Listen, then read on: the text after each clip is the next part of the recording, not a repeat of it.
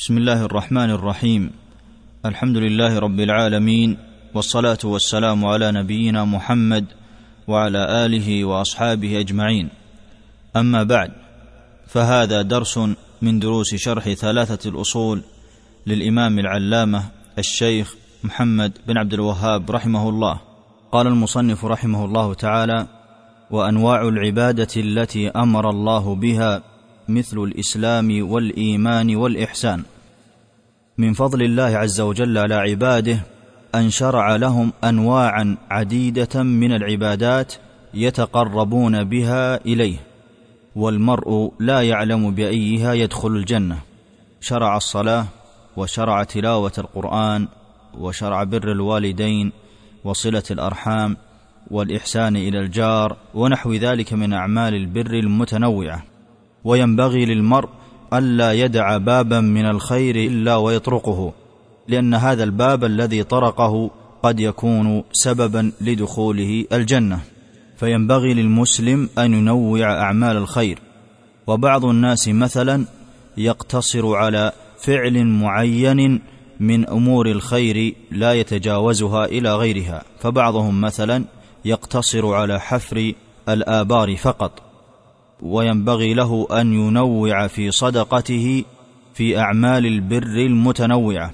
فمثلا يعطي الأيتام ويعطي الأرامل ويعطي المساكين ويفرج كربات المكروبين ونحو ذلك. إذن المسلم ينوع أفعال الخير فيكثر من نوافل الصلوات ويكثر من نوافل الصيام ويكثر من الاستغفار ويحسن إلى الجار ويكرم الضيف ويفك حاجة الملهوف ونحو ذلك أي أنه يعدد طرق الخير. قال ابن القيم رحمه الله في كتابه لاجتماع الجيوش الإسلامية من تنوعت أعماله المرضية المحبوبة له في هذه الدار تنوعت الأقسام التي يتلذذ بها في تلك الدار وتكثرت له بحسب تكثر أعماله هنا.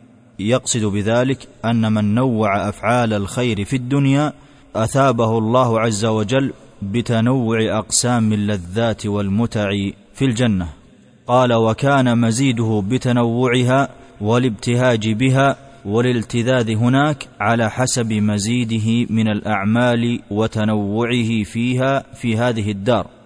قال وقد جعل الله سبحانه لكل عمل من الأعمال المحبوبة له والمسخوطة اثرا وجزاء ولذة والما يخصه لا يشبه أثر الآخر وجزاءه. ومعنى هذا الكلام أن مثلا بر الوالدين يحقق مثلا السعادة وأن الإنفاق بإذن الله تفرج الكربات وهكذا كل نوع من أنواع البر يقابله جزاؤه.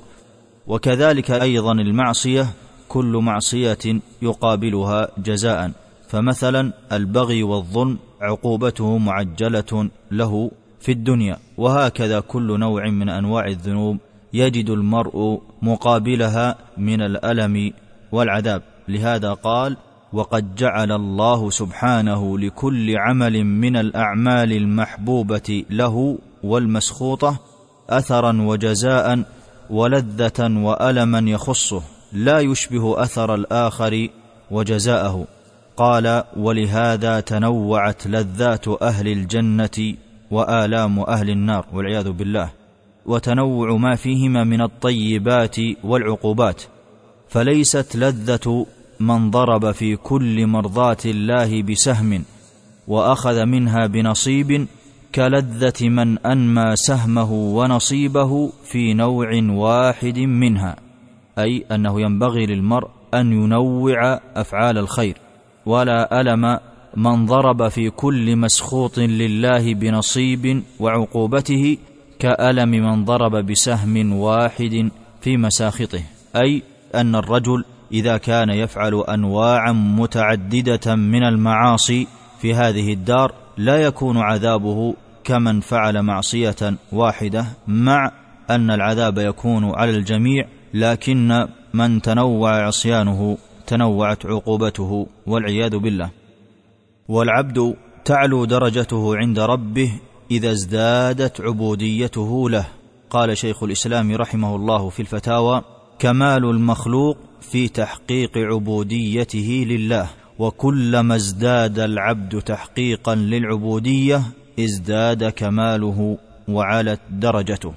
لهذا يجب على المسلم أن يتقرب إلى الله لتعلو درجته عند ربه وليزداد كماله في نفسه وليكمل غيره ويقرب من ربه جل وعلا.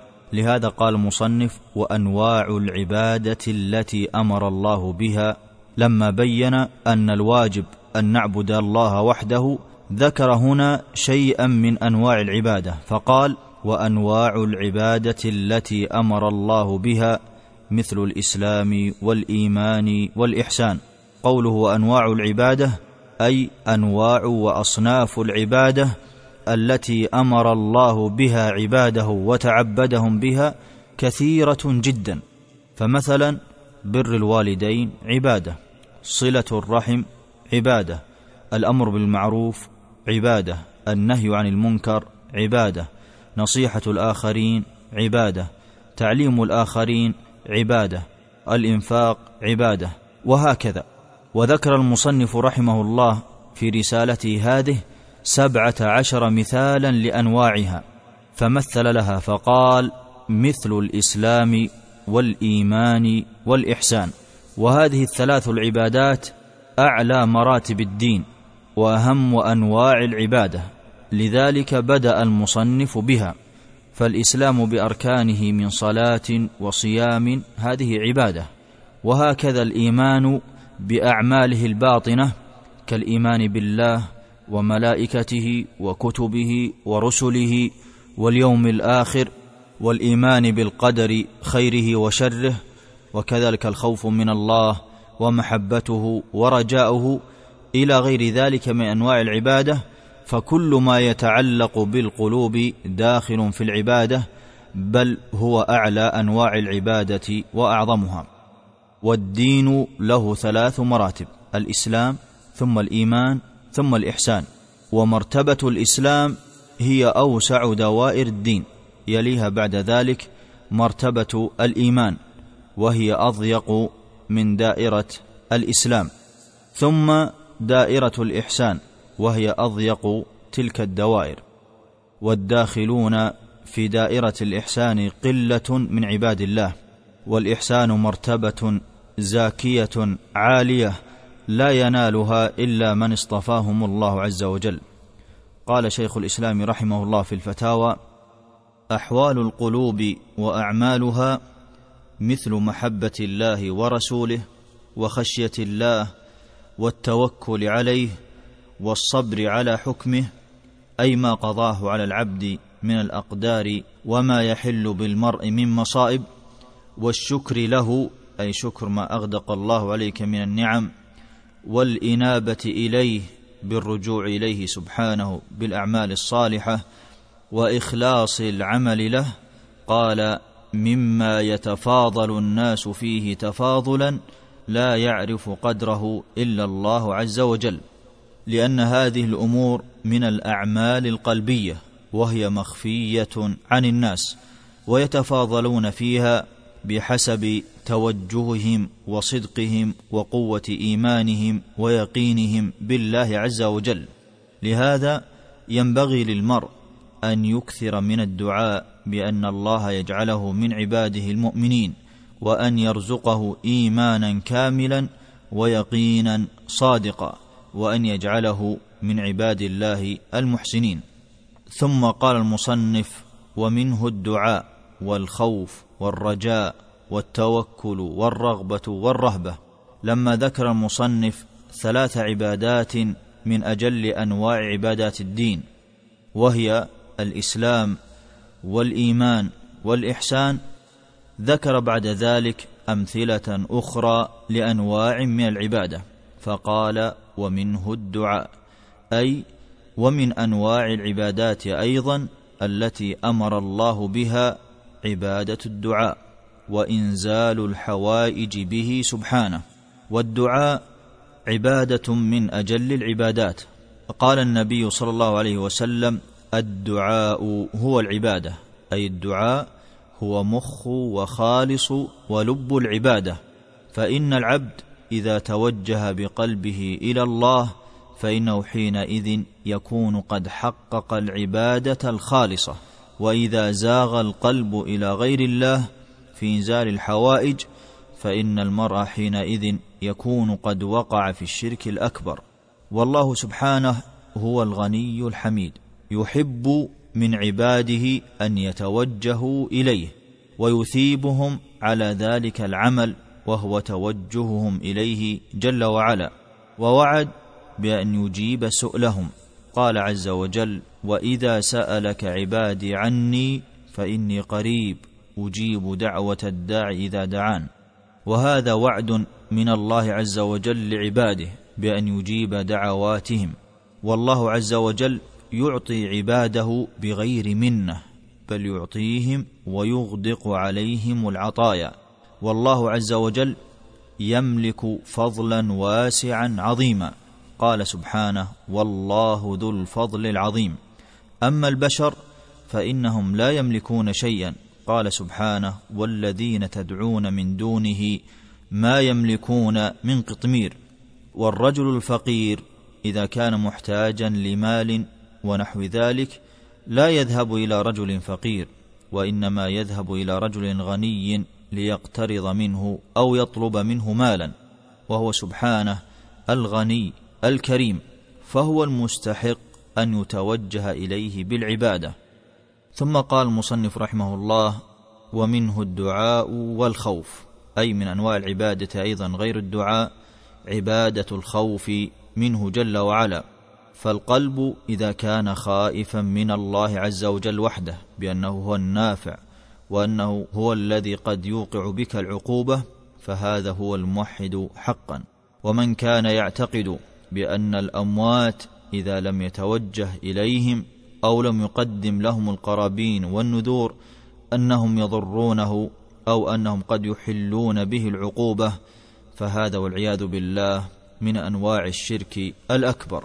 ثم قال المصنف رحمه الله والرجاء أي ومن أنواع العبادة أيضا الرجاء والطمع بما عند الله. فإذا توجه القلب إلى الله عز وجل بسؤاله فضله العظيم من جنات النعيم ومن النظر إلى وجه الله الكريم ويرجو ما عند الله من خير وافر في الدنيا والآخرة وواجب على العبد ألا يعلق رجاءه ولا أطماعه إلا بالله ومن علق طمعه ورجاءه بما عند الله عز وجل فإن الله سبحانه يفرج كروبه ويعطيه سؤله.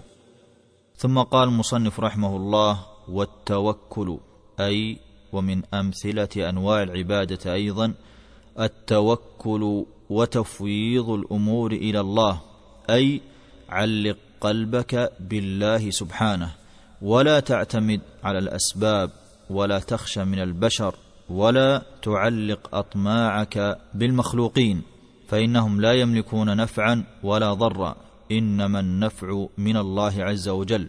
قال تعالى إنما أمره إذا أراد شيئا أن يقول له كن فيكون. فالتوكل محله القلب والأسباب تفعل بالجوارح فقط ولا تعتمد على الأسباب وانما افعل الأسباب لأن الله أمرك بها. ثم قال والرغبة أي فيما عند الله عز وجل فترغب ما عنده جل وعلا مما أعده من فضل ونعيم. فترغب وتطلب من الله دخول الجنة وترغب من الله عز وجل أن يحل عليك رضوانه. وترغب من الله عز وجل بأن يعطيك من فضله العظيم. فالرغبة طمع وعمل لتحقق تلك الرغبة التي توجهت بها إلى الله. أما التوجه إلى الأموات لتحقيق رغباتك من نكاح أو مال أو رزق ونحو ذلك فهذا والعياذ بالله هو الشرك الأكبر. ثم قال المصنف رحمه الله والرهبة أي والرهبة منه جل وعلا هي الخوف والفزع المثمر للهرب من المخوف فهي خوف مقرون بعمل فتبتعد عن المعاصي لأنك ترهب من عذاب الله. ومن رهب من الأموات أو من الغائبين بأن يحلوا عليه عقوبة أو يحلوا عليه ألما ونحو ذلك فإن هذا شرك أكبر. والعياذ بالله. ثم قال المصنف والخشوع أي من أنواع العبادة أيضا الخشوع لله وحده عز وجل بالقلب والجوارح. ومن كان يذهب إلى الأضرحة والقبور ويقوم عندهم خاشعا ذليلا فإن هذه عبادة من العبادات وصرفها لغير الله شرك أكبر. ثم قال المصنف أيضا والخشية أي والخشية منه جل وعلا أيضا من أنواع العبادة ومن خاف من الأموات أو من الأولياء بأن يضروه في شيء فإنه قد وقع والعياذ بالله في الشرك الأكبر. فلا تخشى إلا الله ومن عقوبته ومن غضبه وسخطه.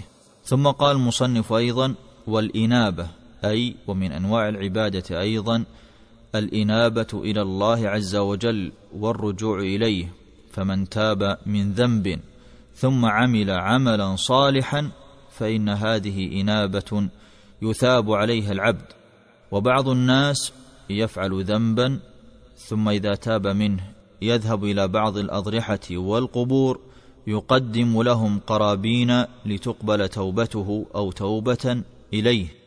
فإن هذه الإنابة هي الإنابة الشركية فلا ينيب قلبك إلا إلى الله عز وجل فهو الذي يثيبك عليه. أما أولئك أموات لا يملكون نفعا ولا ضرا. ثم قال المصنف أيضا والاستعانة أي ومن الأمثلة على أنواع العبادة أيضا الاستعانة به جل وعلا. وطلب العون والمدد منه وحده جل وعلا دون غيره من الأموات والأضرحة. وبعض الناس يذهب إلى القبور يطلب منهم المدد والعون ونحو ذلك فهذا فعل شركي لأن الاستعانة فيما لا يقدر عليه إلا الله لا يجوز صرفها إلا له.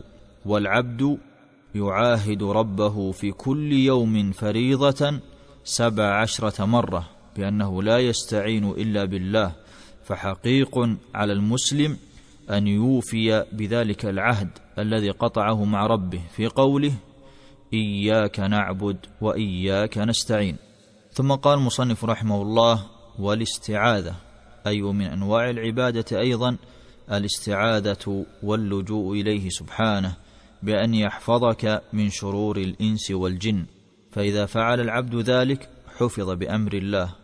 وأثيب أيضا وأيضا هذا عمل يحبه الله تعالى ويرضاه. ومن ذهب إلى غير الله ليعيذه مما لا يقدر عليه إلا الله فإن هذا شرك أكبر والعياذ بالله. فمن ذهب إلى السحرة والمشعوذين والكهان ليعيذوه من شرور الإنس والجن فهذا شرك أكبر والعياذ بالله. ثم قال المصنف رحمه الله والاستغاثة أي من أنواع العبادة أيضا طلب الغوث منه جل وعلا. فمن وقع في كربة واستغاث به جل وعلا فقد أدى عبادة عظيمة وهو سبحانه يفرج الكروب. ومن وقع في مرض ونحو ذلك ثم ذهب إلى الأموات طالبا منهم الغوث أو كشف اللهف ونحو ذلك فهذا شرك أكبر والعياذ بالله. ثم قال مصنف والذبح. أي ومن أمثلة أنواع العبادة أيضا الذبح له جل وعلا. كما قال سبحانه قل إن صلاتي ونسكي ومحياي ومماتي لله رب العالمين لا شريك له فلا يذبح إلا لله. وتقديم القرابين إلى الأموات ليرضوا عنك أو ليحققوا سؤلك أو لغير تلك المقاصد هذا من أنواع الشرك الأكبر والعياذ بالله. ثم قال المصنف رحمه الله والنذر أي ومن أنواع العبادة أيضا النذر لله عز وجل. ومن نذر للأضرحة والأولياء والصالحين فإن هذه عبادة صرفها لغير الله وصرفها لغير الله شرك. وهذه العبادات يذكرها المصنف رحمه الله مرة أخرى مع دليلها وإنما ذكرها لك هنا مجملة ليعيها قلبك ثم بعد ذلك يفصلها لك مع أدلتها. ولما ذكر المصنف رحمه الله أمثلة لأنواع العبادات قال وغير ذلك من أنواع العبادة التي أمر الله بها كلها لله تعالى قوله وغير ذلك من أنواع العبادة أي المتنوعه التي أمر الله بها كبر الوالدين وصيام النوافل وصلة الأرحام وإكرام الضيف وحسن الخلق والأمر بالمعروف والنهي عن المنكر وهكذا كل ما يحبه الله ويرضاه من الأقوال والأعمال الظاهرة والباطنة فهو عبادة. قال شيخ الإسلام رحمه الله معرفا العبادة قال العبادة اسم جامع لكل ما يحبه الله ويرضاه. اي ان العبادة؟ لفظ يجمع كل ما يحبه الله عز وجل ويرضاه وشرعه. قال من الأقوال والأعمال الباطنة والظاهرة. من الأقوال كقراءة القرآن والذكر والأمر بالمعروف والنهي عن المنكر. والأعمال مثل أعمال الحج ومثل أعمال الصلاة والنفقة ونحو ذلك. الباطنة والظاهرة. الباطنة كأعمال القلوب مثل التوكل على الله عز وجل والخشية منه والرغبة إليه والطمع فيما عنده والتوبة ونحو ذلك. والظاهرة مثل الأذان ومثل أيضا تلاوة القرآن وهكذا. فكل ما شرعه الله عز وجل هو عبادة. فكل ما شرعه تعالى يحبه ويرضى عن ذلك الفعل.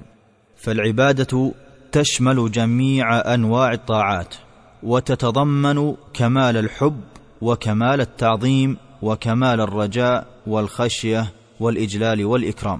قال ابن القيم رحمه الله في مدارج السالكين العبودية تجمع كمال الحب في كمال الذل وكمال الانقياد لمراض المحبوب وأوامره فهي الغاية التي ليس فوقها غاية وهذه هي العبودية الحقة.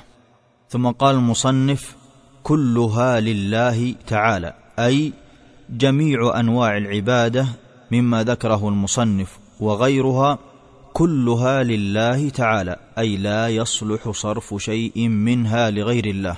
قال رحمه الله والدليل قوله تعالى وأن المساجد لله فلا تدعوا مع الله أحدا.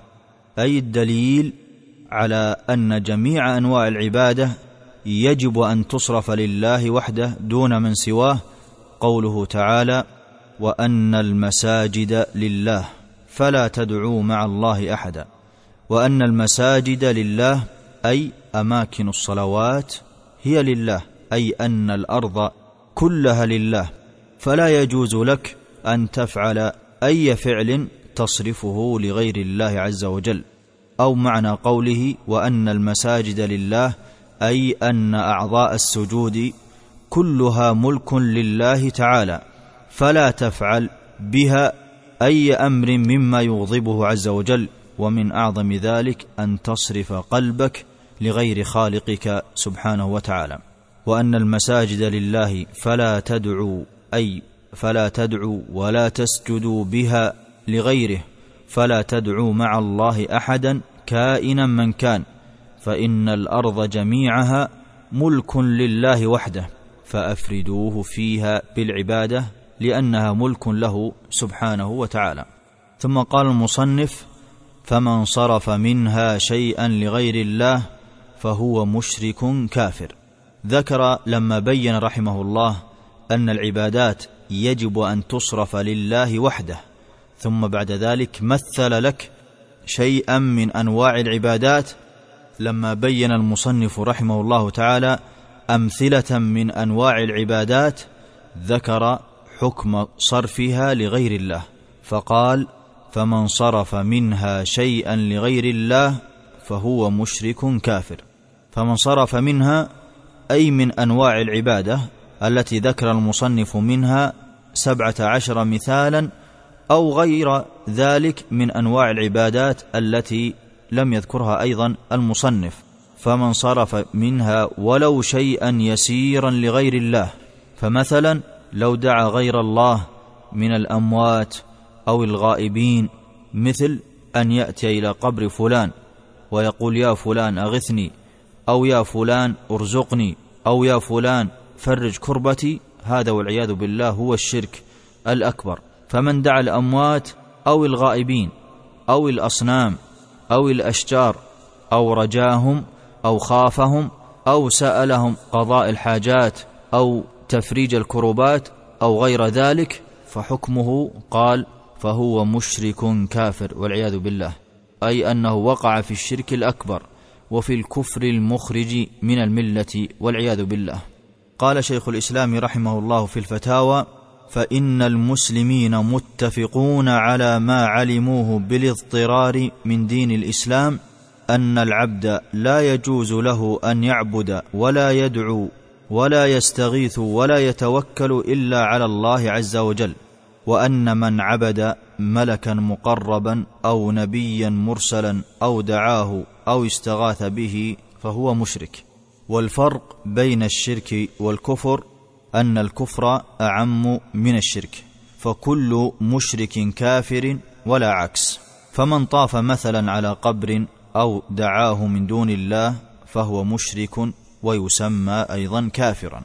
ومن استهزأ بشيء من الدين فهو كافر ولا يسمى مشركا لأنه لم يشرك مع الله احدا في ذلك بل استهزاؤه كفر. وأما في الآخرة فمآل الكافر والمشرك سواء فكلاهما مخلد في النار والعياذ بالله. قال تعالى في حق الكافر إن الله لعن الكافرين وأعد لهم سعيرا. وقال في حق المشرك إنه من يشرك بالله فقد حرم الله عليه الجنة ومأواه النار. وما للظالمين من أنصار. فكلاهما في العاقبة والمآل في الآخرة أنهما مخلدان والعياذ بالله في النار. قال رحمه الله فمن صرف منها شيئا لغير الله فهو مشرك كافر والدليل قوله تعالى ومن يدع مع الله إلها آخر لا برهان له به فإنما حسابه عند ربه إنه لا يفلح الكافرون قوله رحمه الله والدليل أي الدليل. على أن من صرف شيئا لغير الله فهو مشرك كافر قوله تعالى ومن يدعو أو يصرف أي نوع من أنواع العبادة مع الله الها آخر من الأموات أو الأوثان أو الأحجار أو غيرها لا برهان له أي لا حجة ولا دليل له به أي بتلك العبادة التي أشرك فيها مع الله. وقوله جل وعلا لا برهان له هذا القيد لا مفهوم له وإنما أتى به ليبين لهم وليلفت عقولهم إلى أنه لا حجة لأحد في دعوى الشرك فليست عبادتهم عن دليل إنما عن ضلالة وأهواء لا عن هداية ووحي فمن فعل ذلك فقد توعده الله بقوله فإنما حسابه وعقابه عند ربه أي يوم القيامة بخلوده في النار إنه أي من أشرك معه غيره لا يفلح الكافرون لا يفلح لا في الدنيا ولا يفلح في الآخرة. أي من أشرك معه غيره لا يفلح لا في الدنيا ولا في الآخرة. لا يفلح الكافرون حكمه أولئك هم الكافرون أي الخارجون عن ملة الإسلام. وفي الآية أوضح برهان على كفر من دعا مع الله غيره سواء كان المدعو ملكا أو نبيا أو قبرا.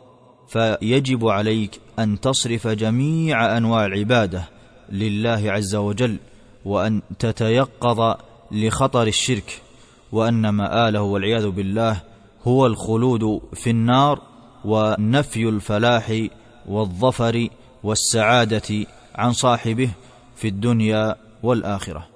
وإلى هنا نأتي إلى نهاية درس من دروس شرح ثلاثة الأصول للإمام العلامة المجدد الشيخ محمد بن عبد الوهاب رحمه الله. وصلى الله وسلم على نبينا محمد وعلى آله وأصحابه أجمعين. تم تنزيل هذه المادة من موقع نداء الإسلام www.islam-call.com